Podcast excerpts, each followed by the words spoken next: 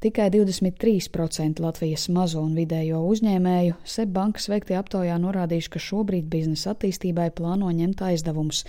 Arī kaimiņu valstīs aptuveni tikpat uzņēmumu gatavi turpināt investēt. Piesardzība pret kredītiem no uzņēmēja puses palielinājusies līdz ar karu Ukrainā.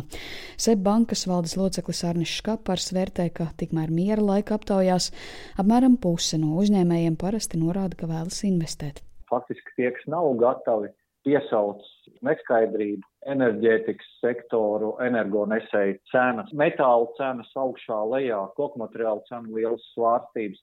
Tā ir normāla cilvēka uzvedība šādos apstākļos, lai gan es teiktu, tā ir tāda vidējā temperatūra slimnīcā. Ja mēs paskatāmies fragmentētāk bildi, mēs joprojām redzam, ka dzīvē mēs piešķiram vairāk jauno finansējumu kā pagājušajā gadā, Un es teiktu tā, ka tā vidēji lieli MVU un tādi, kas ir stiprāki, nav apstājušies attīstīties, drīzāk viņi atrod jaunus tirgus, jaunus kaut kādus novirzienus, kā iet priekš ar biznesu. Lielākā baža man ir, protams, par nelieliem uzņēmumiem, īpaši pakalpojumu sektorā. Tur tā bilde izskatās, manuprāt, ziemai tuvojoties vissatraucošākā.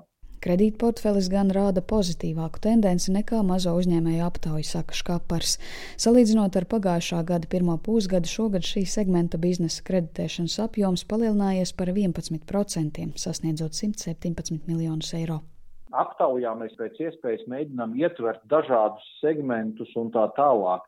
Bet, ja paskatās uz mūsu kredītu portfeli, tad daļa no nelieliem pakalpojumu uzņēmumiem ir grūti kreditējami, jo viņu finanšu situācija nu, nav spīdoša. Nu, viņi izdzīvo. Nu, Covid jau par to pakalpojumu sektoru iesita riktīgi. Zemnieku federācijas vadītāja Agita Hauka apstiprina, ka aizdevumi kļūst arvien aktuālāki, bet arī nelieliem lauksaimniekiem to pieejamība ir zema.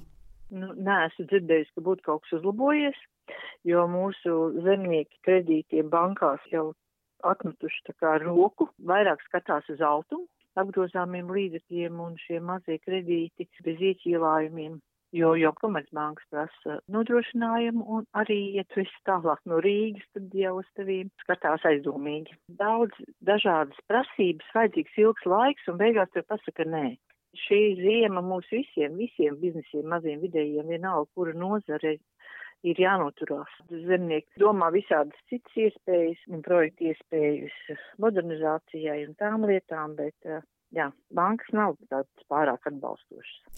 Latvijas Tirdzniecības un Rūpniecības kameras valdes loceklis Jānis Lielpēters komentē, ka finanšu pieejamība Latvijā vienmēr bijusi stabilāka tieši lieliem uzņēmumiem, bet maziem vidējie vairāk meklē finansējumu operatīviem izdevumiem, nevis ilgtermiņu plāniem.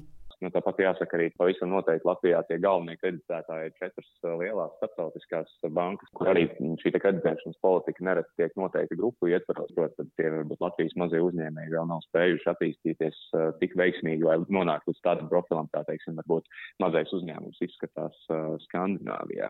Pavisam noteikti arī, protams, ir mainījusies arī banku riska apetīte, un jāsaka tā, ka, protams, tieši mazo uzņēmumu segmentā tīri no tāda praktiskā viedokļa viena no būtiskākajām problēmām ir tā, ka, nu, piemēram, uzņēmuma vadītājs ir vienlaikus arī grāmatvedis, finansists, jurists, un tad, nu, faktiski, lai eh, tik tiešām arī spētu veiksmīgi parādīt arī bankai un prezentēt to savu attiecīgo biznesa plānu, tam mazajiem uzņēmumiem vienkārši iekšēji nepietiek šī administratīvā resursa. Aptaujas dati vēl liecina, ka vairāk nekā trešdaļai mazo vidējo uzņēmēju Latvijā un Lietuvā aizdevums nepieciešams izēvielu un materiālu iegādē, bet Igaunijā aktuālāk ir ražošanas iekārtu iegāde.